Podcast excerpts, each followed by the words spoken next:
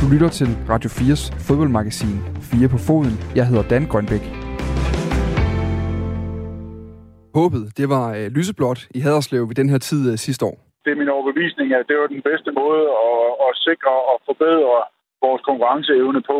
Den daværende bestyrelsesformand Claus Gulleær, han kunne i et interview i Sportsugen her på kanalen fortælle den glædelige historie om, hvordan de snusfornuftige fodboldkøbmænd i Sønderjylland de havde sikret fundamentet og udviklingen for hele det sønderjyske sportskonglomerat ved at sælge fodbolddelen til den italienske eller amerikanske IT- og investeringsmand øh, Robert Platik.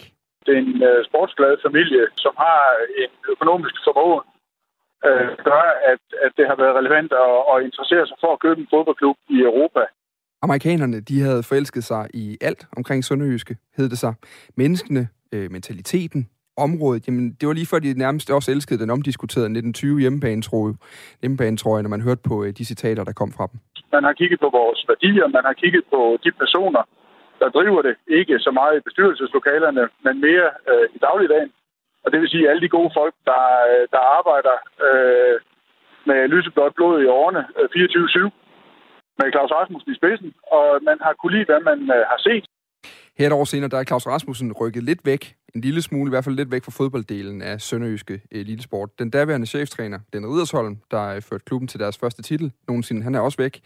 Daværende sportsdirektør Hans Jørgen Heisen er væk af andre årsager, og det samme er klubprofiler og i medierne kaldet kulturbærere, som Johan Absalonsen, Mark Pedersen og flere. Ind i stedet for er kommet øh, de udenlandske, øh, fundet af ejerplartækkens øh, fodboldnetværk i Europa, og ikke mindst den danske direktør Jonas Lygaard, der er blevet ansigtet, og ikke mindst stemmen på de nye tider, tider i sønderjyske fodbold. I dag der fejrer vi et års fødselsdag for Robert Platek øh, som dansk klubejer. Med til festen i løbet af næste times tid, der kommer øh, lidt journalister, der er lidt bestyrelsesmedlemmer, der er lidt fans og lidt andre, der har oplevet det sidste års udvikling på nærmeste hold. Over øh, kakaoen og flødeskummen, der vil der blive snakket om øh, den halvrenoverede spillertrup, det nye spillerkoncept, der øh, i fællesskab har øh, sikret øh, klubben en lille smule famlende sæsonstart, men en lovende fremtid, hvis man øh, spørger klubben selv. Og må ikke også både fans og jagttager vil insistere på at diskutere, hvor meget de sønderjyske værdier stadig fylder i klubben, hvilke værdier der er egentlig overhovedet at tale om, hvad der er af værdier i klubben nu. Vil den kritik i det hele taget overhovedet findes, hvis der stod dobbelt så mange point på kontoen efter de første ni kampe? Og har alle eksperter og kritikere egentlig glemt, at det var mere nød end af lyst, at klubben blev solgt i sin tid? Der er nok at snakke om. Velkommen til øh, det nye Sønderjyskes etårs fødselsdag her på Radio 4. Men vi skal starte med, og øh, desværre med et afbud, fordi festen bliver uden hovedpersonen Robert Platek øh, i løbet af øh, præcis et år nu. Der har det været fuldstændig umuligt for vores redaktion at få et interview med øh, Robert Platek, hans øh, datter Amanda, hans øh, repræsentant i Sønderjyskets bestyrelse Nishan Tella, eller en anden repræsentant for ejeren. Men nej, øh, vi har ikke fået andet end afvisninger, desværre, i løbet af det sidste års tid, og til denne udsendelse landet endnu et øh, ganske frisk fra fad. Platik, han er øh, pressesky. Han er øh, umiddelbart så pressesky, at de eneste ord, Danmark har fået fra ham om hans øh, danske fodboldinvestering faldt til Jyske Vestkysten den 21. november 2020. I underrubrikken der lød det, indtil nu har Robert Platik holdt sig i baggrunden. Indtil nu har han lavet folkene i Sønderjyske sige det, der skulle siges. Nu fortæller Sønderjyskes nye amerikanske ejer for første gang, om opkøbet og om sine planer for klubben. Det blev så også sidste gang, i hvert fald i Danmark, fordi er man tilgængelig italiener, så kan der godt findes ord en gang imellem. Det så vi, da Platek tidligere øh, på året købte den nyslåede italienske serieklub Spezia. Um, I guess the most important reason first, it's Italy, all right? And honestly, it's the, uh, it's the type of team that Spezia was. Hvis du nu lige udskifter Italy med Danmark og Spetscher med Sønderjyske, så har du måske noget, der kunne bruges til noget. Øh, fordi derudover er der mange ting, der går igen, når man ser på Platex kommunikation med, øh, der er, øh, det er også et underdog-hold, en arbejderklub. Det kan jeg godt lide. Det er et citat fra en pressemeddelelse og fra et interview i forbindelse med opkøbet af Sønderjyske, og så kan du lige høre, hvad han siger til pressekonferencen i Spezia efter opkøbet i Italien. I like the working class approach, which I've seen in Spezia. I like the underdog approach because I always think that my life and career have been somewhat of an underdog. Nå, det er bare en side af historien om Sønderjyskes øh, nye amerikanske ejer, som jo altså elsker underdog-klubber øh, med en arbejdermentalitet. Invitationen står jo et åben til Robert selv også, hvis han kunne tænke sig at være med på et tidspunkt. Heldigvis har du lyst til at være med, Jonas Lygaard. Pæn goddag. Goddag. Og jeg er glad for, at du står og smiler lidt undervejs her nu også. Øh, fordi det er jo efterhånden blevet en fast tradition i programmet, at vi lige tjekker op på, om vi dog øh, kan få lov til at snakke øh, med øh, Robert Platik. Du er øh, ny direktør i Sønderjyske fra i sommer. Du har været der knap et par måneder nu. Øh, og vi skal snakke meget mere om dig og din rolle i Sønderjyske, øh, den nye strategi, om det sportslige setup, om værdier og alt det andet, der, der fylder lige i øjeblikket i medierne. Men jeg kunne egentlig godt tænke mig at starte med, med det her med Platik altså som vi jo har svært ved at få, få ord ud af, og som man generelt har været svært, haft svært ved at få, få at vide, hvad, hvad projektet reelt gik ud på. Hvorfor vil han ikke snakke om, øh, om Sønderjyske? Jeg tror ikke, det er så meget omkring, om han ikke vil snakke om Sønderjyske. Han, øh, han taler rigtig meget omkring Sønderjyske øh, med os, og han taler rigtig meget omkring vores øh, strategi og den vej, vi er på med, øh, med Sønderjyske. Så vi har rigtig, rigtig meget kommunikation med ham, og han er rigtig fokuseret på klubben. Men, øh, men han er ikke en, der taler meget med medierne, og han er ikke en, der stiller meget op til, til interviews, og, og det har vi dyb respekt for, og det er blandt andet en af de grunde til, at jeg blev ansat, det er for at være øh, talspersonen for klubben, for øh, familien i det her henseende her. Så det er ikke noget med, at han, øh, han har lavet sig om, eller for Sønderjysk, han ikke vil tale om det, eller han er ikke interesseret i projektet. Han er ekstremt interesseret i det her projekt her, og bringe det videre. Um, og jeg tror, det er vigtigt at, at fokusere på, jamen, hvad er han for en type øh, ejer? Uh, og der er forskellige typer ejere i dag. Der er nogle af de ejere, der bruger en klub uh, og et opkøb af en klub til at profilere sig selv, uh, til at bygge en platform, man kan kommunikere omkring som, dem selv øh, og, og, og vise, hvem de er, og prøve at beskrive lidt mere omkring dem selv. Det er ikke det, Robert han gør her. Han går ind og investerer i en fodboldklub, fordi han er interesseret i fodboldklubben, for at udvikle fodboldklubben, for at og, og prøve at bygge noget, som er sustainable på lang sigt, og ikke gå ind og, og bruge det som en kommunikationsplatform. Men, men det er da en god historie. Hvorfor har han ikke bare stillet sig op og fortalt os den?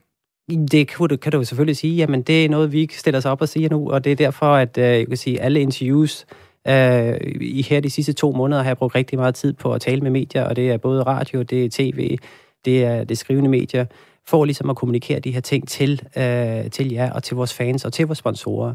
Øh, vi er godt klar over, at vi har haft øh, et år, hvor vi måske, jeg vil ikke kalde det et vakuum, men vi har haft et år, hvor vi ikke har kommunikeret øh, rigtig meget eksternt. Øh, men det er også fordi, det her år blev brugt til ligesom at analysere, hvor er klubben hen, hvad er det, klubben skal, hvad er det, vi vil med klubben, hvor er det, vi vil flytte den hen, øh, hvad er det for nogle folk, som vi har behov for i klubben. Um, og det er nogle af de ting, som vi nu har sat i værk her over sommeren, og selvfølgelig kommer der nogle ændringer med det. Uh, og jeg har selv kommet uh, ind og blevet en del af klubben, efter, uh, ja, efter at have været, ikke været med i det det første år, men, uh, men har nu været her i to måneder. Mm. Og der er selvfølgelig rigtig mange ændringer, som der kommer til at ske. Uh, men alligevel er der sket så mange ændringer. Det er det spørgsmål, man skal stille sig selv, for jeg ved godt, at medierne rigtig gerne vil bygge på, at, uh, at der er sket utrolig mange ændringer i den her klub her. Men der er nogle fundamentale, fundamentale ting, som stadigvæk er her, og som vi stadigvæk bygger på. Men, men lad os lige tage et par sådan konkrete egentlig omkring det. Altså, det, det, dengang blev det fortalt, at det var Amanda Platik, der ligesom skulle være den danske forbindelse, og jeg tror endda, der var snak om, at hun ville købe lejlighed i København og komme tæt på. Er, er det stadig hende, der ligesom er Platik linket til Sønderjyske? Amanda er bestemt stadigvæk en, øh, en stor del af det her, og jeg taler meget med Amanda omkring øh, klubben, omkring udvikling af klubben, omkring hele den øh, kommunikative del af det. Så, så Amanda og resten af familien, men jeg skal sige, det er ikke en person, som er den ene person, der kun taler fra klubbens side, eller fra familiens side af. Nej. Der er flere involveret i det, der er flere involveret i hele ejerskabet, så det, det er vigtigt, at det er, det er ikke, vi snakker ikke kun om individuelle personer, der, der, der driver det fra familiens side og fra investornes side. Det er, det er, det er en gruppe personer, der er involveret i det. Hvor dybt er de involveret? Altså, hvad, hvad er de inde over i din hverdag? Øh, øh, bestyrelsen, eller ikke bestyrelsen, men, men familien jo i sidste ende. Øh, og jeg går ud fra, at det også er igennem, til dels i hvert fald i Chantella, der sidder i bestyrelsen. Øh. Jamen, vi, øh, vi taler rigtig mange forskellige ting. Øh, selvfølgelig, når vi går igennem en sæson, jamen, der er forskellige elementer i den sæson, som er et fokus. Øh, og nu øh, ved vi alle sammen, at øh, det her transfermarked er, er, er nu endelig lukket, og det er vi alle sammen glade for. Og det er klart, øh, hele den periode, der har vi haft rigtig mange dialoger omkring det. Øh, hvad er det, vi vil? Hvor er det, vi er hen med de her spillere? Hvem er for nogle spillere, der passer ind i vores nye spillefilosofi? Øh, hvem eventuelt passer ikke ind i det? Hvem skal vi købe? Hvem skal vi sælge? De dialoger har vi haft rigtig, rigtig mange af. Er, er Platek-familien også med i, i altså simpelthen de, nede på altså, detaljniveau de, der? De er involveret i de store beslutninger, ja. Det er klart. Altså, den vil vi ind og øh, laver større investeringer, øh, og det vil sige med alle andre virksomheder, hvis du går ind og laver en større investering, øh, så er ejeren øh, involveret i nogle af de ting her, og det er de også, øh, når vi laver store investeringer. Det er mm. klart, de er ikke nede på detaljeniveau omkring øh, de enkelte kontrakter og øh, specifikke øh, termer øh, og, og, øh, og detaljer, der er i de enkelte ting. Men der er de overordnede ting, ja, det er klart, omkring de investeringer, der bliver lavet. Jeg kunne godt tænke mig lige, øh, senere i programmet, der er en af de øh, mennesker, du kommer til at stifte bekendtskab med, kære lytter, det er Jens Krav Iversen, der er sportsredaktør på Dan Nordslesvig, og et af de medier, der er, der er rigtig tæt på Sønderjyske i, i hverdagen og dækker det tæt. Han skriver mange kommentarer osv. Jeg snakkede med ham lidt tidligere i dag, hvor han blandt andet havde, øh, den, han, vi kom til at snakke om det med kommunikation. Øh, dybest set kom det, jeg spurgte ham, om, om han havde snakket med Platik, og han, han sagde øh, sådan her omkring, hvordan han havde oplevet det. Jeg synes, stemningen er, er blandet. Der er selvfølgelig øh, fans, der går igennem ild og vand øh, for klubben, uanset hvad. Men altså, jeg har fornemmelsen af, at, at i det her kærlighedsforhold mellem, mellem Sønderjysk og Sønderjyne, øh, der, der er man knap så forelsket, som man har været tidligere. Også fordi de er blevet, de er blevet efterladt i, i, i uvidshed. Øh, de har simpelthen ikke fået noget at vide om, øh, hvilken rolle Sønderjyske har fremadrettet. Der har været larmende tavshed fra amerikanernes side. Min mening er, at der har været en katastrofal øh, kommunikationsstrategi. Det er selvfølgelig også sagt af en journalist, som øh, gerne vil have, at der dukker nogle interviews op, og det vil jeg også gerne selv, det skal jeg også huske at, at sige det her jo. Og vi kommer tilbage til det med fansene, og hvordan kærlighedsforholdet egentlig har det i det sønderjyske her på etårsfødselsdagen. Har det været et katastrofalt kommunikationseventyr, øh, øh klubben har været på det sidste år, Jonas Lygaard? Uh, nu vil jeg sige, for tre måneder siden, der var jeg ikke uh, på samme måde forelsket i Sønderjyske, som jeg er i dag. Så der er nogen måske, der ikke er lige så forelsket i produktet, men der er andre, der blev rigtig forelsket i det. Og forhåbentlig har jeg drevet andre med ind i den forelskelse og den kærlighed, som vi er ved at opbygge på, for klubben. Mm. Men det er klart, altså når vi går igennem et år, hvor, hvor man er mere i en analysefase og finder ud af, jamen hvad er det præcis det her? For nu snakker vi så meget omkring værdier og DNA og Sønderjyske, og hvad Sønderjylland står for, og hvad er Sønderjylland er omkring så er det vigtigt, at man går ind og ikke bare vælter ind øh, og, og laver en masse ændringer. Og det må man også sige, det er en stor respekt, du skal have for Rob øh, og Platik-familien omkring, hvad er det, de er gået ind. De er ikke gået ind og kastet sig selv ind i projektet og lave rigtig mange ændringer fra dag et af. De er gået ind og kigget på klubben og set på de her ting. Det her, hvad er det, der fungerer i klubben? Hvad er det, der ikke fungerer i klubben? Hvad er det for nogle ting, der skal laves om? Men i forhold til kommunikationen, og det er jo det, Jens Krav Iversen er inde på, det har, der, han kalder det larmende tavshed. Det er i hvert fald, vi har ikke kunne få... Øh, der har været det her ene interview med Rob Platek. Det er sådan stort set, hvad der har været om Sønderjyske. Har der været for lidt? Har, har man været for dårlig til at kommunikere? Nu skal jeg ikke udtale mig om øh, præcis, hvad der var sket i det år, hvor jeg ikke var en del af den her klub her, men jeg vil sige, det er vigtigt for mig lige nu og de sidste to måneder, det er, at jeg stiller op til de her ting her. Det vil sige, når, når du ringer til mig eller skriver til mig, jamen så stiller jeg op til de her ting, selvom jeg kommer ned fra Haderslev, selvom jeg havde en, anden, en del andre møder i dag. Ja. Så, så stiller vi op til tingene, vi stiller op til tv, så vi stiller os til rådighed for medierne, og vi rigtig, rigtig gerne tale om det. Man kan så sige, at det sidste år har vi talt nok, har vi fortalt omkring, hvor vi vil hen, hvad er det, der sker i klubben. Nej, det har vi måske nok ikke. Vi kunne måske godt have, have, have talt endnu mere. Men, men det er ligesom water under the bridge for mig. Uh, mm. Det er ikke noget, som jeg vil begynde at, at, at bruge krudt på. Jeg tror, det vigtigste for folk lige nu, det er, jamen, jeg forstår godt, der er en usikkerhed, når der kommer nye ejere ind, når der kommer nye investorer ind, når der kommer øh, nogle nye folk ind. Jamen, hvad er det, de vil i gang med? Hvad er det, de vil ændre? Hvad er det, de vil, hvad er det for nogle ting, som kommer til at have en indflydelse på, på fans, på sponsorerne? Og, og når man ikke snakker omkring det, og ikke tale sætter tingene, så er det klart, så bliver der stillet en masse spørgsmålstegn. Og det er nogle af de spørgsmålstegn, vi skal til at hjælpe med at få svaret på. Jamen, hvad er det, vi er på? Hvor er det, vi er på vej hen? Hvad er det, vi mm. gerne vil? Og, og det kommer til at tage tid. Det er ikke noget, vi får afklaret her den næste time her i det her øh, radioprogram. Men det er noget, der kommer til at tage tid, og det er noget, der kommer til at tage gentagelser, vi skal have øh, over, flere, over flere måneder, og måske flere år kommer det til at tage. Paul, altså vi sender hver mandag, så vi kan godt finde tid til det, hvis det skulle være. Ja, det, det lyder det godt. Bare til. Øh, når vi prøver at lade den her ligge med kommunikationen nu i hvert fald, så prøver vi at bevæge os lidt videre. Vi skal lige om lidt tale om det organisatoriske, men jeg kunne egentlig godt tænke mig bare lige helt kort her øh, til sidst i introduktionsblokken, som er gået blevet ret langt, egentlig lige at, fokusere på dig. Altså, du startede i Sønderjysk den 16. juli, øh, blev du meldt ud. Du flyttede hjem til Danmark, blev du også meldt ud efter en, en årrække i udlandet og, øh, og har blandt andet gjort karriere i, i spilvirksomheder. Øh, Konami, øh, Pro Evolution Soccer, Electronic Arts, så står der også på, øh, på CV'et og sådan nogle ting. Hvad, hvad, har, hvad har været den største opgave for dig i de første to måneder i stillingen, efter du, øh, du startede i Sønderjysk? Nu, nu henfører du til spilvirksomheder. Det lyder altid sådan øh, lidt undermindet. Ja, okay, men, men ja, det, det er helt okay, for det har jeg hørt før. Men det, ja. lad os kalde det digital entertainment. Øh, er, den, den får du lov for. til at sætte på. Ja. Ja, øh, men hvad der har været mest, med, det største fokus her øh, de, øh, de første to måneder, jamen det er klart, at jeg startede tre dage før den første Superliga-kamp. Ja. Øh, så der blev jeg kastet direkte ud for 5 meter ved dem. Øh, jeg var ikke sikker på, at der var vand i bassinet, men, men der var vand i det. Øh, så det har kastet mig ind i det her, få, prøvet at få en dyb forståelse for, hvad er fodboldklubben, hvad er Sønderjyske, men selvfølgelig også, det, det, det første det var, at vi havde lige fået en ny cheftræner. Vi er lige i gang med at bygge en helt ny rekrutteringsproces op. Mm. Vi er i gang med at rekruttere en masse spillere. Vi har nogle spillere, som øh, skal til at forstå en ny spilfilosofi. Hvad er det, hvem er det, der kan forstå den? Hvem er det, der kan, der kan adapte til den her nye tilgang, øh, den nye måde, som, som Michael han gerne vil implementere. Øh, og så prøver jeg at få, en, få styr på, jamen, hvad er det, vi reelt vil. Mm. Så, så det er meget omkring hele spillertruppen har været rigtig meget af vores fokus, rigtig mange af vores samtaler har været omkring det. Men for mig primært også har det været at forstå klubben, forstå den sammenhæng, den måde klubben er bygget på. Klubben er bygget på en meget unik historie omkring øh, flere klubber, hvor det har været håndbold, ishockey og fodbold involveret i det. Mm. Det er bygget på omkring 56 samarbejdsklubber, som ligger der. Det bygger omkring en, en moderklub, HFK, som, som øh, har givet licensen til, til Superliga-holdet.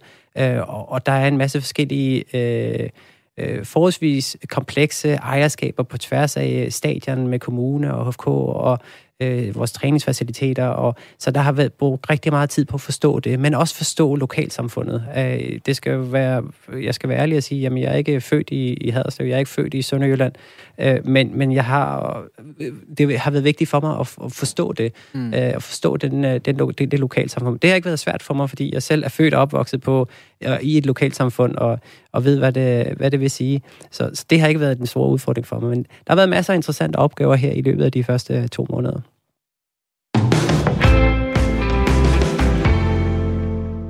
Og så er det faktisk en glæde at kunne øh, tænde for øh, telefonen her, og så sige øh, pænt goddag til øh, Søren Davidsen. Jeg siger morgen. Vi tager morgen. Det går ud fra, det er mig, der må indrette mig i det her program i dag. Nu øh, skal vi nemlig høre et indspark på en af dem, der er tættest på klubben, og som har været det i øh, meget lang tid. Det er en, der samtidig kender til de øh, sønderjyske værdier, og også den, den sønderjyske hilsemåde. Så, så, så umiddelbart kan det være svært at finde en bedre person end næstformand i bestyrelsen for sønderjyske fodbold. Og derudover jo også en, en, en, af, en af de store andelsejere i, i Davidsens tømmerhandel, som din far jo stiftede, Søren Davidsen, og som er, er storsponsor igennem en, en lang periode i, i Sønderjyskes fodboldbigs. Øhm, det er jo primært i den her rolle, du udtaler det her. Det skal vi lige have med. Og når jeg siger, at du kender til de sønderjyske værdier, så er det jo fordi, du, øh, du er født og opvokset øh, dernede, som vi måske også øh, fik øh, eksemplificeret, uden at vi behøver at gå dybere ind i det. Jeg kunne godt tænke mig at snakke med dig, fordi du jo var med i processen dengang for et år tilbage. Og, og tillykke med fødselsdagen. Lad os, øh, lad os lige skrue øh, tiden tilbage til, øh, til fødslen. Øh, hvorfor blev Sønderjysk i det hele taget solgt? Ja, det er et rigtig godt spørgsmål. Altså, jeg, jeg kan godt lide, øh, jeg vil gerne, det spørgsmål kan man bedst besvares, tror jeg, med at bruge nogle, øh, nogle billedsprog for fodboldverdenen. Altså, der er det defensive argument og det offensive argument. Det defensive argument, det var, at som vi også hørte øh, Randers øh, Øh, repræsentanten sige i forrige udsendelse, eller i forrige, time, så det at drive en Superliga-klub i dag, det kræver rigtig, rigtig meget kapital. Øhm, og vi var ved at nå en erkendelse, og det kan man tjekke de sidste to års regnskaber, inden klubben bliver solgt. Og det, det er faktisk noget, som i medier måske ikke har været så skarpt analytisk på, også at gå ind og lige kigge på fakta. Øhm, de sidste to år regnskaber inden Sønderjysk blev solgt, der havde vi det rigtig, rigtig svært af forskellige årsager. Ikke fordi klubben var veldrevet, den ydmyghed og, og, og fli, øh, pli, øh, øh flittighed, der er lagt i det for, for at forvalte klubben på en ordentlig måde. Men det viste sig simpelthen så svært at drive Superliga-klubben Sønderjyske. Så Øh, det definitive argument, hvis jeg skulle summere det kort op, så er det simpelthen, at jamen, hvis vi skulle blive i Superligaen, så er det behov for kapital. Øhm, og det, det er simpelthen et faktum. Man kan gå årsregnskaberne for forskellige Superliga-klubber igennem, og at hvis man skal drive en Superliga-klub øh, af, af Sønderjyskets kaliber, jamen, så er det ikke nok med velvillige sponsorer, så er det ikke nok med tv-indtægter, så er det ikke nok med, med tilskuerindtægter, som bakker så skarpt og godt op om Sønderjyske. Det er jo så det defensive argument. Hvis jeg skal fortsætte i fodboldsproget, så er det offensive argument, sådan som jeg ser det. øh, så er det simpelthen også, at, at, øh, den kapital, know-how, øh, som vi har fået ind, øh, til at kunne sælge og rekruttere spillere på en anden måde, til at lægge en ny spillestil. Altså det her, som, som jeg tror, vi alle sammen har, vi, vi, vi også med Sønderøs Blå i årene, at vi hvert år skal kæmpe med nedrykning, og det ser det jo også ud til, at vi skal i år. Øh, at det skal vi simpelthen til at udvikle os væk fra. Der blev mas- investeret massivt i ungdomsafdelingen, og det, det er faktisk noget af det, der gør mig aller, allermest glad. Det er at se den massive investering, som Playtech-familien øh, har skubbet på for, i uh, ungdomsafdelingen, og det, det er det største budget, vi nogensinde har haft i ungdomsafdelingen. Um, vi kan lave uh, træningskampe på deres faciliteter i Portugal. Vi har adgang til det internationale netværk, som de har uh, gennem deres sportsagenter. Uh, og, og for eksempel også kunne, kunne man lære den måde, som de, som de uh, marketingsfører deres, uh, markedsfører deres klubber i, i Portugal og Italien. Det er så det, det er sådan et offensivt argument, mm. uh, som, jeg, som jeg ser for, hvorfor Sønderjysk skal blive solgt. Det er klart, det er nogle frugter, vi, vi, det er alt, alt for tidligt at høste de frugter, og, og juryen er stadigvæk ude for, hvor er, er de frugter blevet høstet. Det er jo nok forvent, øh, ikke forventeligt, at de bliver høstet i løbet af et år, fordi det er en lang rejse. Det, tager, det ved vi alle sammen, der har været med til at, at skubbe på for sådan nogle ting her, at det, der skal vi lægge noget kno fordi, og det tager tid at, at føre de her ting ud. Så, så alt i alt, så, så er der både et offensivt og et defensivt argument, hvis jeg skal bruge fodboldtermer til at forklare det. Sådan, så blev vi øh, i tematikken også. Og, og grund til, det er jo dejligt at have dig med her, Søren Davidsen, næstformand i, i bestyrelsen i Sønderjysk i dag, fordi vi skal lige omkring de organisatoriske nu i den her, den her del af programmet. Og jeg kunne egentlig godt tænke mig at starte med et, øh, med et citat fra dengang klubben blev solgt. Altså det hed sig, Sønderjyske fodbold skal drives af de samme medarbejdere i dagligdagen, og logoet, farverne og værdierne, der gennemsyrer klubben, vil fortsat være de samme. Du har jo været en del af, af klubben, og ikke mindst oplandet, som jeg kan forstå er enormt vigtigt øh, for Sønderjyske, både fodbold, men også ishockey og håndbold, og ellers er elitesport i, i, i grænselandet, øh, igennem rigtig mange år, nærmest hele dit liv. Hvad er det her for nogle værdier, der gennemsyrer klubberne, som er så, så vigtige i, i den landsdel, og som gør den særlig øh, forud for andre, eller frem for andre klubber? At det, det, det er hver, altså det, nogle gange er det så utrolig svært at sætte, sætte ord på. Alle sønderjyder, de ved præcis, hvad vi mener med sønderjyske værdier. Men når, vi skal, når jeg skal forklare det til, øh, til en københavner, så kigger de ud i luften nogle gange. Men det er klart, at alle, der, der sådan er stødt på, og, og kigget også nogle af den måde, som nogle mange sønderjyske virksomheder er vokset op på, jamen så er det en, en sådan meget respektfuld omgangstone. Det er hårdt arbejde, vi lægger lag på lag på, øh, vi går ydmygt til det. Øh, men vi er til gengæld også meget, meget ambitiøse, øh, måske uden at, at, at, at virke så prangende om, om det. Øh, så det er nogle af de værdier, som vi gerne vil føre videre. Og sådan som jeg forstår øh, Platek-familien, så er det også nogle af de ting, altså han, jeg prøver at læse lidt om ham, og det er meget stagfærdigt, hvad man kan finde inde på internettet og, og, og, og øh, om det. Men, men han er, sådan som det virker på mig, det virker det meget, at han kommer meget med, med noget, som er sønderjyske værdier. Altså at, mm. at der skal arbejdes hårdt. Øh, det, der, at vi skal, man, man, man skal køre en omvendt Kennedy. Man skal ikke spørge om, hvad, Sønde, hvad, hvad Sønderjyske kan gøre for dig, men hvad du kan gøre for Sønderjyske. Uh, altså, det, det, det er en tilgang, som, som jeg har hørt ham, øh, eller som, som jeg forstår det, øh, vil, vil skubbe på for. Uh, og så er det klart det, som I nævner med den manglende kommunikation. Jeg hørte også, altså nu tror jeg også lige, man, altså det som der Nors journalisten sagde, det, det, det var i hvert fald ikke en sønderjyske værdi at, at, at, at komme så stærkt ud, fordi er der noget, der kender, tænder, kendetegner sønderjyder, så er det også via IT i maven, og det at kalde det en katastrofal kommunikation, det synes jeg nok, at man skulle øh, måske lige passe på, inden man omgår sproget i så lemfældige toner, fordi så går det inflation i sproget. Hvis det er en klart, komplet mangel vi... på, kommunikation er, er ja, ikke katastrofalt. Ja, det, og det kan man diskutere. Nu skal man også bare sætte det i perspektiv og kontekst. Ja. Vi rammer direkte ind i en coronaperiode, hvor alle, på alle mulige virksomheder skal vi finde ud af, hvordan kommunikerer vi sammen. Man kan ikke flyve over Atlanten. Øhm, og det er klart, jeg, jeg vil gerne gå med et, et, et stykke af vejen med, at ja, man kunne... Øh, øh, man, man, altså, man, man skal man skal ud og fortælle, hvad det er, man vil. Og der, mm. der er jeg så glad for, altså jeg må sige med sponsorøjen, og nu snakker jeg udelukkende med sponsorøjen, der er vi simpelthen så kiste glade for, og jeg snakker med min far om det også, vi er kiste glade for, at Jonas Lygaard er kommet ombord, fordi jeg synes, det er blevet en skarp kommunikation, og, og vi har kun, altså med Jonas, der har øh, virkelig fokuseret på mm. at, at fortælle medierne, hvad det er, vi vil. Og hvis man har spidset ører med de mange interviews, som Jonas har givet, jamen, så er det også klart, at så, så begynder vi lidt at forstå, hvad det er for en ny tilgang, en ny spillestil, en, for, øh, en, en, en, øh, ny rekruttering af, af, af det, det alderssegment, man ligger i af spillere. Og der må jeg sige, altså sådan nogle ting er i hvert fald gået meget klart igennem for mig.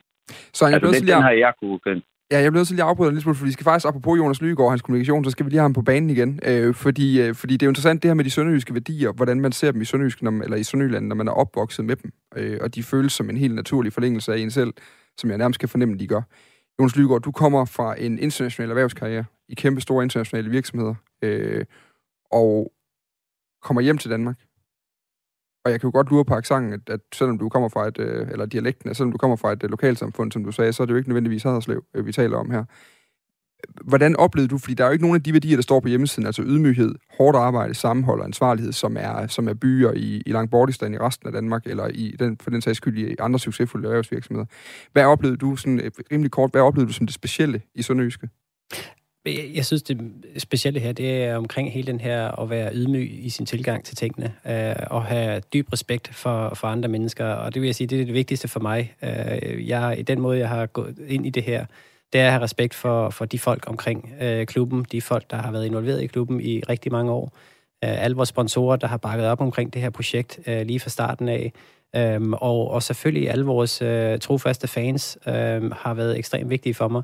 Så, så for mig er der ikke nogen af vores værdier, der har været, været unikke og svære at forstå. Øh, hele mit liv, hele min karriere er bygget på hårdt arbejde øh, mm. og, og være fokuseret på omkring, hvor jeg gerne vil og hvor jeg gerne vil hen. Og, og ydmygheden er bare en del af det, som jeg vil sige, jamen det, det er noget, som, som jeg måske er født med, og, og det er en ting, som ja, have den respekt for andre mennesker, have respekt for det, folk har, har lavet, øh, og, og for hele det her lokalsamfund. Og jeg kan lige hurtigt også lige tilføje i forhold til det, Søren var inde på med økonomien øh, før, Søren Davidsen var en, var en tale om det. Altså, Sønderjyskes fodboldafdeling havde grønne tal fra sæsonen øh, 2011-2012 og frem til øh, 17-18 øh, sæsonen, og derfra der var der så to gange, gange underskud. Øh, det var et minus på 8,7 millioner i, i 1819 hvilket var det, det værste regnskab, øh, man har haft øh, i, i historien endnu dernede. Øh, men, men nu vil jeg ved værdierne, bare lige for at blive ved dem, øh, Jonas Lygaard. Har de, har de ændret sig siden? Altså nu har, nu har der jo så blevet lavet det her meget, meget grundige analysearbejde, som skulle laves for lukkede døre, kan man jo forstå på det hele i løbet af det sidste år. Er der noget, der så har ændret sig? Fordi det bliver jo ikke ved med at være, være, være som det var, nødvendigvis jeg vil ikke sige, at der er ikke nogen af vores øh, fire værdier, øh, og så snakker vi meget om de her værdier hele tiden, og jeg kan sige, at det er nogle værdier, som man kan bruge alle steder, og vi kan bruge om individuelle personer. Så der er ikke nogen af dem, som har øh, decideret ændret sig, men der er måske nogle af de ting, vi skal gå ind og, og, og kigge lidt på og sige, jamen kan vi måske ændre dem lidt, for ydmyghed er godt, men er ydmyghed virkelig, hvad vi gerne vil stå for? Fordi vi vil ikke være ydmyge, når vi mod, møder en modstander. Vi vil gerne være ydmyge. For, for mig, der øh, ydmyghed. Ydmyg, det er lidt øh, ens betydende med janteloven, og det er ikke fordi, det er sådan et, et filosofisk spørgsmål og diskussion, som jeg ikke vil komme ind på her, men, men jeg føler ikke, at vi behøver at være så ydmyge omkring det. Altså, vi har en, en klub, øh, Sønderjysk, der har været 14 år i Superligaen. Vi, øh, vi vandt pokalturneringen, vi var i pokalfinalen sidste år, mm. øh, og, og vi er stadigvæk ydmyge, men vi kan også godt være stolte, vi kan også godt være, gå ud og profilere os selv, og vi skal også godt være ture os, have, være ambitiøse. Øh, så det er en af de ting, hvis jeg skal sige, jamen, øh, det er ikke for at øh, ændre, at vi ikke skal være ydmyge, men vi måske have en grad mindre ydmyghed og være lidt mere øh, fokuseret på vores egen succes, og jeg mener ikke øh, min egen succes, men jeg mener klubbens succes. Øh, hvor er det, vi kan bringe den her klub hen, øh, og hvor er det, vi gerne vil have hen, og være ambitiøse her i livet. Vi skal lige øh, have et kort øh, pip fra, nu talte vi før med Jens Krav Iversen, øh, som, øh, som jo er sportsredaktør på, øh, på øh, Den Norske Læsviger, og jeg talte med ham om det her med værdierne og, øh, og, og også omkring, hvordan de betyder. Og Jens er en af de journalister, som sagt, der følger Sønderjysk rigtig tæt i det daglige. Øh, og han fortalte mig over en telefonforbindelse fra grænselandet om en, det, han kalder en forandret fodboldklub. Vi lige prøve at tage det her. Niveauet synes jeg ikke har ændret sig. Øh, der er selvfølgelig kommet en ny træner, som, som langsomt prøver at få, få sine idéer indført. Og så har der i, i det her transfervindue været, været i gang i svingdøren øh, med ja, store udskiftning af spillere. Øh, men der er stadigvæk en del, del øh, kendte ansigter i Gardenman, Albæk og Dalhente, men der er kommet langt mere internationalt snit ind over det med, med mange spillere fra Kamerun, Nigeria, Ungarn og, og Holland. Og så vurderer han altså også, Jens Krav Jørgensen, at meget kulturen kan være forsvundet øh, med, med specifikke personer, der har forladt klubben øh, det sidste års tid. Det er sådan en, en kritik, der har øh, haft genklang flere steder i de forgangne øh, uger og måneder det er jo et helt nyt setup. Der er jo nye folk, øh, både udenfor og, og på banen. Der synes jeg, der, der, der er meget, der er gået, gået tabt. Der skal man så bygge en ny, øh, ny kultur op. Det ser jeg som, som vanskelig opgave, og der, der er sejr det den eneste medicin lige i øjeblikket. Han er meget tæt på det sportslige her nu, og, og, og sådan, der. jeg kunne godt tænke mig nu lige, mens vi har, vi har dig med øh, på telefonen. Altså sidste gang, da vi talte, og øh, det var nærmest sidste gang, vi sådan rigtig hørte noget fra Platik-familien, der dengang de, de købte klubben, der var det jo netop, at det var de samme mennesker, det var de samme farver, det var de samme værdier, det var det samme hold, det var, det var alt, alting var nærmest det samme. Har du stadig indtryk af i dag, at det skal være det samme, nødvendigvis, og, og at det er det samme stadigvæk? Jamen, jeg vil, jeg vil snarere stille på den anden, øh, sige på den anden måde. Vi skal videreudvikle og bygge på det, på, de, på det solide fundament, som Sønderjysk skal stå på. Og der igen må man lige have lidt is i maven. Øh, for fakta her, det er, at det er den samme bestyrelse, der sidder det er den samme dygtige sønderjyske eliteadministration, øh, som sammen med Jonas øh, virkelig flot kører klubben. Øh, det eneste, der er faktisk væsentligt at skifte ud i, det er træneren, og det sker jo rigtig mange klubber øh, i, i dansk Superliga-fodbold. Og så er det Hans Jørgen Heisen, der selv valgte at sige sit job op. Så man skal øh, have lidt is i maven, øh, synes jeg, inden man begynder øh, og, og, og, og måske kigge lidt på fakta, fordi fakt, hvis man kigger på fakta, så er det ikke rigtigt, at, øhm, øh, at øh, og jeg så Ken undersøges øh, meget, meget drastiske og øh, flamboyante, kan man kalde det, udtalelser. Øh, men hvis man kigger på fakta, og, og Sønderjyske, vi er jo meget, Sønderjyder, vi er meget faktaborgerne, så holder den ikke om, at klubben er blevet vendt op og ned. Fordi lad mig bare gentage, samme bestyrelse, men... samme øh, administration derude, øh, og så øh, øh, bygger vi øh, fundamentet derfra.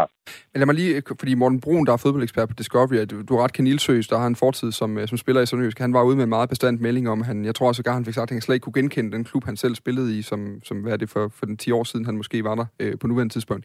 Morten Brun, der er fodboldekspert på Discovery, han sagde øh, sådan her forud for sidste rundeskamp mod OB, Sønderjysk har brystet sig at tale om DNA. De taler rigtig meget om værdier, og de her værdier, som ligger i det her sammentømrede omklædningsrum. Det, jeg ser i øjeblikket, det er, at nogle af de spillere, som i høj grad har været med til at tegne Sønderjyske de seneste mange år, forlader klubben. Og så kommer der nogen ind. Det kan jo godt være, at de er gode, men i øjeblikket tænker jeg, hvad er Sønderjyske egentlig for noget? Det er en sætning, jeg har hørt andre steder også, både fra fans og fra andre jagttager af Sønderjyske i, i den her tid, Søren Davidsen. Så, så er, det, er det nødvendigvis helt rigtigt, at der ikke er noget, der har ændret sig? Nej, jeg, jeg, jeg øh, anerkender fuldstændig, at vi, vi har prøvet at tage nogle skridt i Sønderjyske gennem det seneste år, men det havde også været skidt andet, må man sige, fordi vi har fået ny kapital ind, vi har fået ny tankegang ind. Mm. Øhm, Øh, og det er klart, at øh, hvis man kigger på sådan en fantastisk spiller som Johan Absalonsen, han var, øh, var jo, øh, han har jo nået sit fodboldotium, så, så der er også sket nogle naturlige processer. Øh, vi har lagt en ny strategi, sådan, som jeg forstår det, øh, på den måde, som Jonas også har kommunikeret det ud i Lygaard har kommunikeret det ud i medierne, at man vil satse mere på unge spillere. Mm. Det betyder, at sådan nogen som Kanstrup, øh, og, og nu skal jeg ikke sportsekspert, jeg, jeg sidder bare som fuldstændig lægmand og, og kigger fodboldpassioneret hver søndag. Men der må man bare sige, at, at, at øh, vi, vi videreudvikler, sådan, sådan vælger jeg at se på det. Ja. Øh, så er det klart, at når, når, når, når, hårde afregning skal laves i, i, i maj-juni næste år, når sæsonen er slut, så, så kan man måske give et bedre svar på det.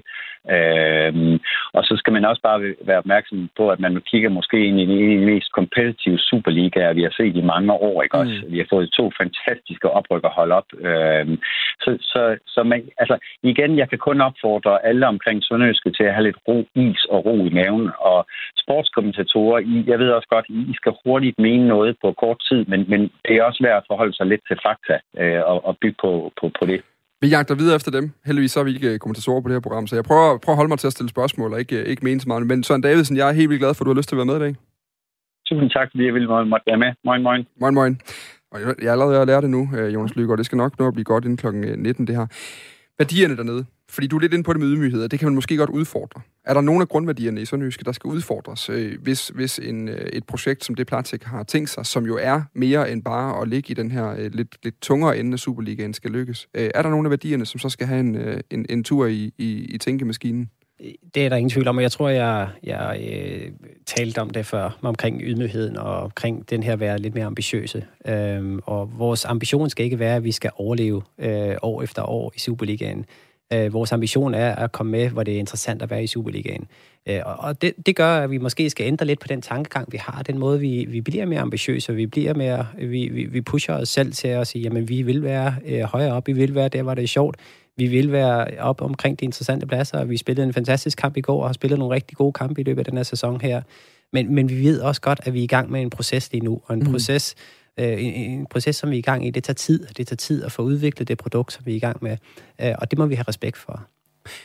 I forhold til øh, de værdier, som jo også er gældende, øh, når, når fans vælger deres klub, når de, skal, øh, når de skaber de her følelsesmæssige bånd til en klub som Sønderjyske. Og vi må jo forstå, det er jo, det er jo dialogen selv fra Sønderjylland, der ligesom handler om værdierne, om DNA'en, om, om en kultur, vi andre øh, øh, øh må, må kigge mod, øh, men som man forstår, hvis man kommer dernede fra. Kan man være, øh, kan du være bekymret for, at man kommer til at skubbe nogen væk? Om man også kommer til at, øh, at, at vælge nogen fra, når man er nødt til at vælge en ny strategi til? Ja, men det, det er et interessant spørgsmål, og jeg siger især det her omkring, øh, når vi snakker omkring DNA og kultur, fordi hvad er DNA reelt set? DNA, det er et arvemateriale, det er noget, du får fra generation til generation. Så kan du sige, at en, en træner kommer med et DNA? Nej, det gør han ikke, for en træner kommer ind og skal udfylde et stykke arbejde. Meget specifikt, og så er det ikke ham, der er, øh, er DNA'en, der kommer ind med den DNA. Det er klubben, det er den omkring klubben, det er fansene, det er sponsorerne, det er det hele, det, det fundament, vi har omkring vores frivillige, vi har øh, mere end 300 frivillige, jamen det er noget af den, den øh, DNA, som er født fra generation til generation. Nogle af de børn, som er i vores øh, akademi i dag, som øh, går fra vores øh, U12-setup til vores U13, 15, 17, 19. Øh, det, det er nogle af dem, der vil være vores kulturbærer. Nogle af dem, der vil have hele den her DNA her, fordi de har været igennem en hel udvikling. Og det er klart, hvis du køber en ny spiller ind fra øh, fra et andet land, jamen så vil han ikke have den her medfødte DNA. Han har ikke fået den med sig.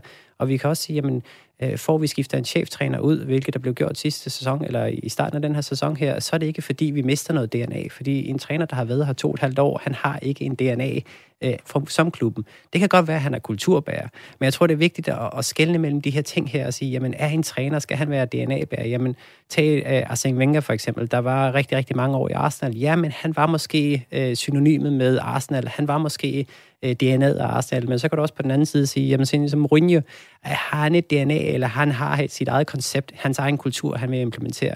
Og jeg tror, der er en vigtig diskussion omkring hele den her, men det bliver sådan lidt mere filosofisk diskussion omkring kultur og DNA, og hvem er det, der reelt bærer vores DNA? Hvem er det, der laver den her kultur her? Mm. Jamen, jeg skal være med til at lave den rigtige kultur i klubben omkring, jamen, hvordan er det, vi, vi, vi arbejder med hinanden? Hvordan er det, vi opdrager vores akademispillere? Hvad er det, vi skal sørge for, at de forstår, når de er en del af sønderjyske fodbold og, og hele akademisætupet? Hvad er det, vi forventer af dem? En ting er, at vi forventer dem, de udvikler sig som, som talenter, de udvikler sig fodboldmæssigt, men de skal også udvikle sig menneskemæssigt. De skal også udvikle hele den kompetence omkring det skole. Men Jonas Lygaard, det siger de jo i alle klubberne nu. At der er jo ikke noget det, af det her, der på den måde dufter langt væk af noget lyseblåt øh, blod i årene fra, fra Sønderjylland nødvendigvis. Altså, Amanda Platek sagde dengang, at vi ser frem til at samarbejde med klubben. Vi skal fastholde de her vedvarende traditioner.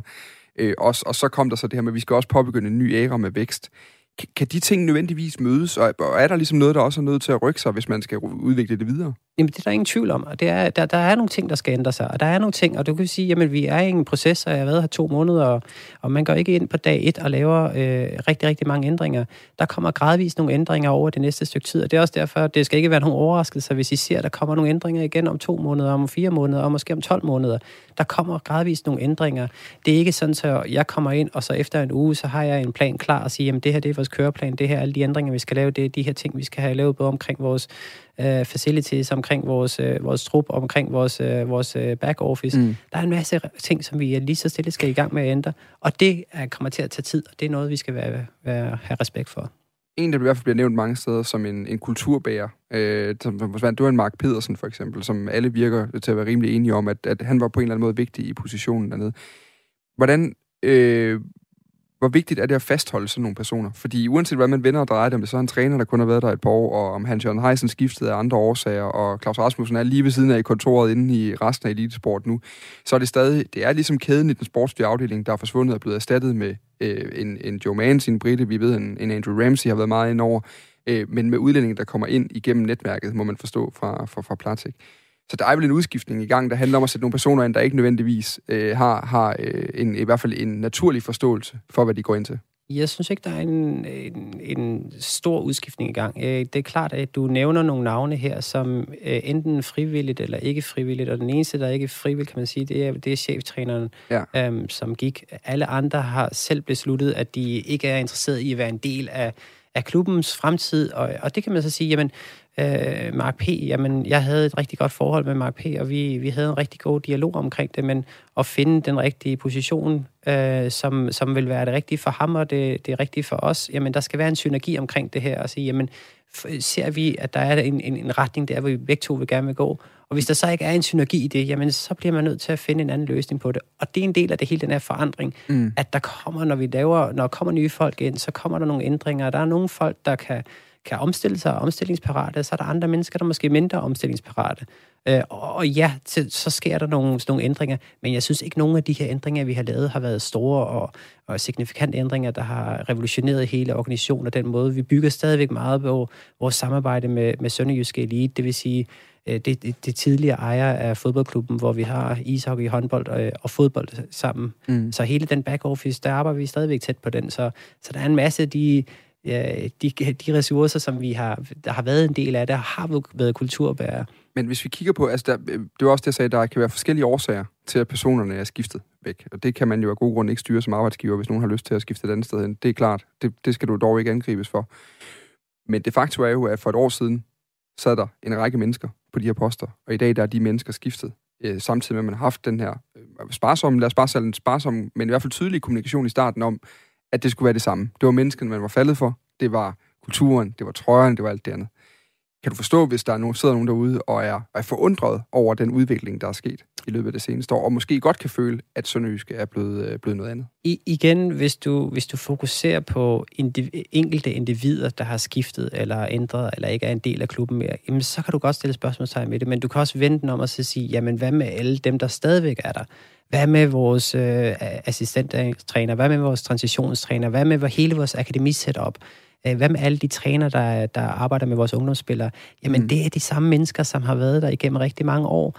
Så, så vi kan nævne rigtig, rigtig mange andre. Vi kan nævne endnu flere personer, som stadigvæk er en del af klubben, end personer, der, der ikke er en del af klubben. Så, så for mig tror jeg, det er meget af det her, nogle folk og nogle medier gerne vil dyrke, at der er sket rigtig meget, og vi har ændret rigtig mange, og der er mange, der er forsvundet. Jamen, der er nogle enkelte, der har, der, der har valgt at stoppe. Øh, men der er rigtig mange, der har valgt at fortsætte at være en del af den her klub her, og, og del af den her fremtid her. Mm. Fordi de ser, det er interessant, og de ser, jamen det, det her, det er spændende. Og nu nævner du også nogle enkelte spillere, som, som stadigvæk, jamen vi har også stadigvæk nogle rigtig, rigtig tunge kulturbærere. Uh, vi har Mads Albæk, vi har Magdal Hente. Jamen, vi har, vi har nogle, nogle rigtig stærke folk, uh, som har været flere år i klubben, som, som er med til at skabe den her kultur og, og forgangsbilleder for, uh, for de unge spillere. Lad os lige bevæge os videre, fordi vi har faktisk en, øh, en, øh, en, en fan på øh, linjen nu, vi også lige skal snakke med. Og så kan jeg sige pænt goddag til dig, Niels Villeng. Goddag. Goddag. Noget andet, der typisk går igen i den her fortælling, Sønderjyske gerne vil ud med i øjeblikket, eller i hvert fald fortæller, det er, at det er fansens klub, og det stadig er det efter salget til amerikanerne. Så hvad synes fansene egentlig? Det var egentlig en, øh, en, et oplagt ting på vores øh, idéblok forud for den her udsendelse at gå i gang med. Niels Villeng, Sønderjyske fan, bosat i Aarhus, øh, hyppig gæst i den podcast, der hedder Vores Klub DK. Hvis du ikke har stiftet bekendtskab med den, så er det nok, fordi du ikke er en del af den lysblå klub, fordi det er en fanpodcast, Helligede Sønderjyske. Lad os lige først få etableret fanrelationen. Hvor længe har du været fan? Hvorfor? Og jeg har været fan i lang tid. Det går helt tilbage til øh, dengang, det hed Haderslev Fodboldklub. Så det var øh, siden øh, midt-slut 90'erne, jeg har været øh, fan af, af klubben. Og hvad er det, hvad er det nu, nu har vi jo, det er nærmest blevet et indgangsspørgsmål til fødselsdagsfesten i radioen i dag, det er jo, hvad er de sønderjyske værdier, hvad er det vigtigste, øh, der adskiller sønderjyske værdier fra, fra de andre, og sønderjyske fra de andre fodboldklubber? Det er svært at sige. Altså sådan noget med at, at, at have nogle øh, værdier hængende på væggen, det er jo øh, fint nok alt sammen. Men øh, for mig, der er, er det egentlig sådan en værdi, som, øh, som ydmyghed, synes jeg, øh, er noget, der, øh, der betyder noget for mig. Er de intakt i Sønderjysk i dag? Har Ser du noget, der har ændret sig fra et fanperspektiv? Jeg ved ikke, om der er noget, der... Jo, der er jo mange ting, der har ændret sig, men Altså, et eller andet sted, det må, må tiden må også vise, øh, hvordan øh, det ser ud, fordi øh, sådan på den korte bane, synes jeg som fan, at der er mange ting, der har ændret sig. Øh, men sådan lige på, hvad går sådan, øh, på spillerfronten, øh, så synes jeg simpelthen, at det, det ser positivt ud. Der er selvfølgelig nogle spillere, der er væk, men det er heller ikke nogen spillere, som kan være med i den her øh, angreb på Tom 6, der mm. skal ske. Øh, så jeg synes egentlig umiddelbart, lige nu er jeg positivt stemt over for det. Det er også øh, dagen efter en 1-0 sejr over Brøndby. Det er uanset hvilken klub man er i Superligaen, så luner det altid, har jeg lavet mig fortælle. Øhm, hvad, hvad, jeg kunne egentlig godt tænke mig, hvis du kigger tilbage på det seneste år, siden, øh, siden øh, Platik overtog i september sidste år. Hvad er det så for et indtryk, du har haft af, af, af, af den tid? Jamen, i, i, øh, i rigtig lang tid synes jeg egentlig, der var bare var en masse øh, usikkerhed forbundet med det, fordi Øhm, der var jo bare øh, radiotavset i rigtig lang tid, og vi var jo rigtig mange fans, som ikke rigtig vidste, hvad vi sådan kunne øh, forvente, fordi vi fik ikke nogen ting at vide, og øh, det skaber bare en masse usikkerhed i en organisation, og det er jo, for mig er det jo så eksternt som fan. Øhm, så, så jeg var da jeg var da usikker på, jamen hvad er det, øhm, hvad er det der skal ske? Jeg havde en forventning om, at nu kom der en klubben på nye hænder med en masse penge i ryggen, så jeg havde selvfølgelig en forhåbning om, at nu ville der blive investeret rigtig meget i truppen. Øhm, men øh, det lå jo så lidt vente på sig, øh, så øh, det var da det var da en usikker periode i hvert fald. Det er interessant, jeg har siddet og holdt øje med, når man har hørt fans kommentere det seneste stykke tid, enten i fjernsyn eller andre steder. Også hvor der har været kritik af, kritik af kommunikation og alt muligt, så har jeg tit siddet og tænkt, jamen, jamen ville de overhovedet være utilfredse, hvis der bare stod 10 point mere på kontoen på nuværende tidspunkt? Er det i sidste ende bare de sportslige resultater, der afgør, hvor øh, glade og tilfredse og, og hvor meget ro vi har i maven som, som fodboldtilhængere af en klub med en, øh, med en veneration for den. Hvad, hvad, hvad tænker du om det spørgsmål, øh, Niels Villing? Hvor meget, hvor meget fylder de sportslige resultater i det samlede indtryk af, af, af Sønderjyske her et år efter? Om de fylder da en hel del, fordi øhm, nu når klubben er kommet på udenlandske hænder, og der sker de her øh, forandringer, jamen øhm, så er det da altafgørende, at resultaterne også kommer, fordi ellers så er det jo hurtigt, at der kan komme utilfredshed, når der kommer de her gennemgribende forandringer. Øhm, og Sønderjyske, det er jo også et underholdningsprodukt, selvfølgelig med rødder i landsdelen, men i sidste ende, så folk de kommer jo på stadion for at blive underholdt og for at se god fodbold og for at se øh, Sønderjyske vinde fodboldkamp. Så det har da en rigtig stor betydning for, øh, for opbakningen til øh, hele det her nye projekt. Mm. Er Sønderjysk i dag et øh, bedre sted end for et år siden? Det er svært at sige. Øh, jeg vil ønske, at, øh, at det her, jeg, jeg kunne få stillet det her spørgsmål og efter, øh, lad os sige, efter, når vi går på vinterpause. Men lige nu, der synes jeg, at det er sådan lidt... Øh, det er sådan lidt begge dele. Jeg vil hverken sige, at vi er et bedre sted eller et dårligt sted. Jeg synes stadigvæk, at øh, det må tiden vise, når efteråret er spillet færdigt, hvor vi så står henne. Øh, som det er lige nu på en kort bane, så synes jeg, at vi er, vi er på vej, som det ser ud på banen lige nu. Men at øh, det, tingene kan hurtigt se helt anderledes ud, efter vi har været i Aarhus og spiller med nu. Jonas? Ja, jeg, jeg, jeg smiler lidt omkring det her, fordi det er det, der er så øh, interessant og fascinerende med, med, med fodbold, øh, og omkring øh, forskellen med at arbejde i en fodboldklub, og, eller arbejde, jeg vil kalde det på en normal arbejdsplads, fordi alle har en, en kommentar, og alle har en holdning til, hvor, hvor godt vi gør det, eller hvor, godt, eller hvor skidt vi gør det. Og det er meget banalt vurderet ud fra, hvor, hvor ligger vi hen i tabellen, hvor mange mål scorer vi, øh, og hvor underholdende produkt er det her. Mm. Øh, og det, hvis jeg arbejder i en bank, så vil folk have mindre holdning til, hvordan vi gjorde det, hvor godt vi gjorde det, jamen så kan du se på aktiekursen, hvor, hvor, hvor, hvor godt vi er, hvor stort afkast vi giver. Men det er det, der er fascinerende, det der, det der er rigtig interessant, at folk har en holdning omkring det. Øh, og det er det vigtige at sige, jamen der er selvfølgelig, og det ved vi godt, vi bliver mål på, på pointene øh, i, bottom line, det er der, vi mm. bliver vurderet på. Men selvfølgelig er også hele underholdningsværdien og hele øh, organisationen, som vi, vi er i gang med at ændre os. Hvordan får vi lavet den, og hvordan får vi, får vi bragt den på banen, og hvor, hvor gode er vi til at kommunikere den del. Mm. Så jeg synes, det, det er en rigtig vigtige ting, der bliver diskuteret her, og, og selvfølgelig, jamen, hvordan vurderer vi det? Vurderer vi det kun ud fra, hvor vi ligger i tabellen, eller vurderer vi det også ud fra, hvordan vi er drevet som en fodboldklub? Vi kan jo faktisk stille det som, øh, som afsluttende spørgsmål, Niels Villing, øh, og tak fordi du har lyst til at være med her. Øhm, hvor meget, nu Jonas er lidt inde på det, om, om, at det kan bølge op og ned i forhold til resultaterne på banen, og det er sidst ende det, der afgør det, men, men hvor meget fylder det alligevel, når, man, når, når vi medier og eksperter og alle mulige andre står og insisterer på at snakke om øh, værdier, og, og det er lige før, at vi jo nærmest kommer ind i sådan en organisationsanalyse af en fodboldklub i sådan et program som i dag? Og, altså, det betyder selvfølgelig øh, noget for mig også som fan, hvad det er for nogle værdier, øh, Sønderjyske øh, bygger på. Men øh, for mig at se, jeg vil, jeg vil se et fodboldhold, som øh, vinder fodboldkamp. Øh, og øh, så skal de øh, selvfølgelig stadigvæk spille i den, øh, den lyseblå trøje, og det skal foregå på Sydbank Park. Øh, men altså nationaliteten på de spillere, der, der er på banen, Øh, kommer ikke øh, i, i første række. Spillerne de skal, være, de skal være gode nok, og så er det i det hele er, at de alle sammen kommer fra øh, akademiet, men det er jo ikke rigtig en mulighed øh, lige nu. Øh, det tager mange år før, at der, der kan komme flere spillere fra akademiet og så op på øh, IA-truppen. Øh, så først og fremmest så vil jeg rigtig gerne se holdet øh, vinder fodboldkamp. Niels Villing, altså øh, Sønderjyske fan, igennem øh, en lang, lang overrække bosat i Aarhus, øh, godt nok øh, god kamp mod AGF. Jo, tak skal du have. Og jeg ved ikke, bruger vi også møgen her? Er det, gør du stadig det, eller er du flyttet ja, ja, fra det? Ja, ja. Jo, jo, så, så, så, så integreret er jeg i det østtyske, så det er stadigvæk møgen. Jamen, vi siger møgen så. Tak fordi du var med. Velbekomme. Jonas Lygaard, øh, øh, vi nåede at snakke rigtig meget om organisation i dag. Vi ja. nåede at snakke rigtig meget tilbage. Så Davidsen var heldigvis også i, øh, i et godt talehumør, så vi fik også en del noter derfra. Det er rigtig godt. Øh, så det sportslige kommer til at fylde lidt mindre her nu, men jeg synes lige, der er en enkelt note for det, Niels længe siger, jeg gerne vil have med. Fordi ja. du har jo også fået det sportslige ansvar. Øh, du har din baggrund i, et, i, i en kommersiel verden, tror jeg ikke er forkert at sige. Det er korrekt. Øh, som du også sagde tidligere, hvor du, hvor du rettede mig, øh, og, og også, at der er en vis øh, stolthed over den karriere, du kommer med, med et CV fra udlandet. Øh, digital entertainment skal vi huske at tale om, i stedet for spilvirksomheder. Det kan også lyde af alt muligt andet. Øh, du er også blevet sportslig ansvarlig i Sønderjysk på nuværende tidspunkt. Øhm, og der er blevet udstukket en ny linje. Øhm, Michael Boris taler om en aktiv type fodbold i stedet for en passiv fodbold, der skal underholdes. Øh, og det er jo noget af det, der har gået igen i Sønderjysk i mange år, det er, at man har været dygtig til at spille så kynisk, som det krævede for at overleve. Øh, pludselig så skal man charmere med besnærende fodbold, og, øh, og, øh, og på en eller anden måde, så er det blevet sat i position til den passive fodbold, som det var tidligere. Ja.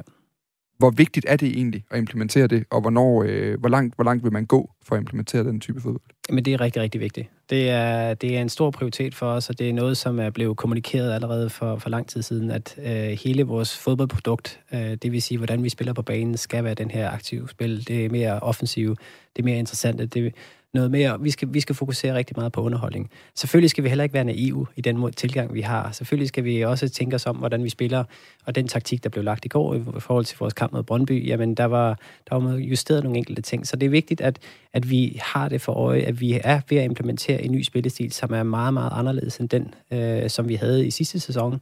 Øh, og, og det kommer til at tage tid, og det er igen for ikke for at at gentage mig selv, men, øh, men der er nogle spillere, som har været rigtig, rigtig dygtige til at forstå den her nye spillefilosofi og spillestil, og så er der måske andre, der har haft lidt sværere ved det, og der kommer til at tage længere tid, før de forstår det. Øh, og så er der nogen, som måske bare ikke passer ind i det. Mm. Øh, så det er noget, der kommer til at tage tid, og det er noget, der, som vi fokuserer rigtig, rigtig meget på at få udviklet den her spillestil og underholdningselementer af det.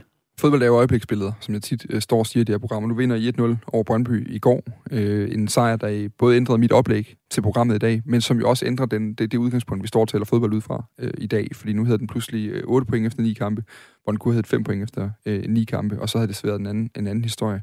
Øh, hvor tålmodig er man for det her? Fordi det er jo, jeg husker en vis Glenn Riddersholm, der også talte om noget, der minder i hvert fald om besnærende aktiv fodbold, men som jo var nødt til at, at, at gå tilbage. Jamen, det, det fylder rigtig, rigtig meget, og hele snak omkring det, og de analyser, der bliver lavet. Jeg, jeg synes, det er vigtigt, hvordan vi, vi takler de her analyser her, fordi der er nogle, øh, og igen ikke at forklejne nogen, men der er nogle af de analyser, der bliver lavet fra, fra tv og enkelte rapporter, er måske meget forenklet, lidt, lidt naiv og, og mere for at skabe overskrifter. Mm. Og, og så er det sjovt, som, som emnet lidt skifter. Nu, øh, nu havde vi uh, Keninsø, der havde en, uh, før vores OB-kamp, havde et, uh, et forholdsvis langt, jeg tror han fik tre minutters uh, taletid omkring uh, vores værdier, omkring spillestilen, og måske det var for naivt, og vi ikke, uh, vi ikke var var klar til det endnu, og han byggede det lidt på vores anden uh, træningskamp uh, mod Viborg. Øh, så igen, ikke en særlig dybtegående analyse, og måske sådan lidt en naiv analyse af det. Øhm, og, og så kan man sige, øh, vi, vi svarer ikke på de ting i, i det interview, som var lige før kampen mod Odense. I en kamp, som vi rigtig, faktisk spiller rigtig, rigtig godt i. En mm. kamp, som hvis du kigger på expected goals, jamen så skulle vi have vundet kampen. Uh, vi var langt dominerende i forhold til det.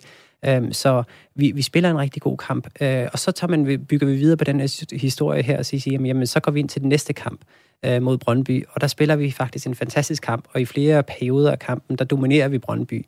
Men det, der så er rigtig interessant, det er, at de, de samme journalister, de går ud og, og fokuserer mere på Brøndbys øh, øh situation. Hvad Brøndby, de ikke gør godt, og, og, og CV ikke har købt de rigtige spillere, ikke solgt de rigtige spillere, eller solgt for mange spillere.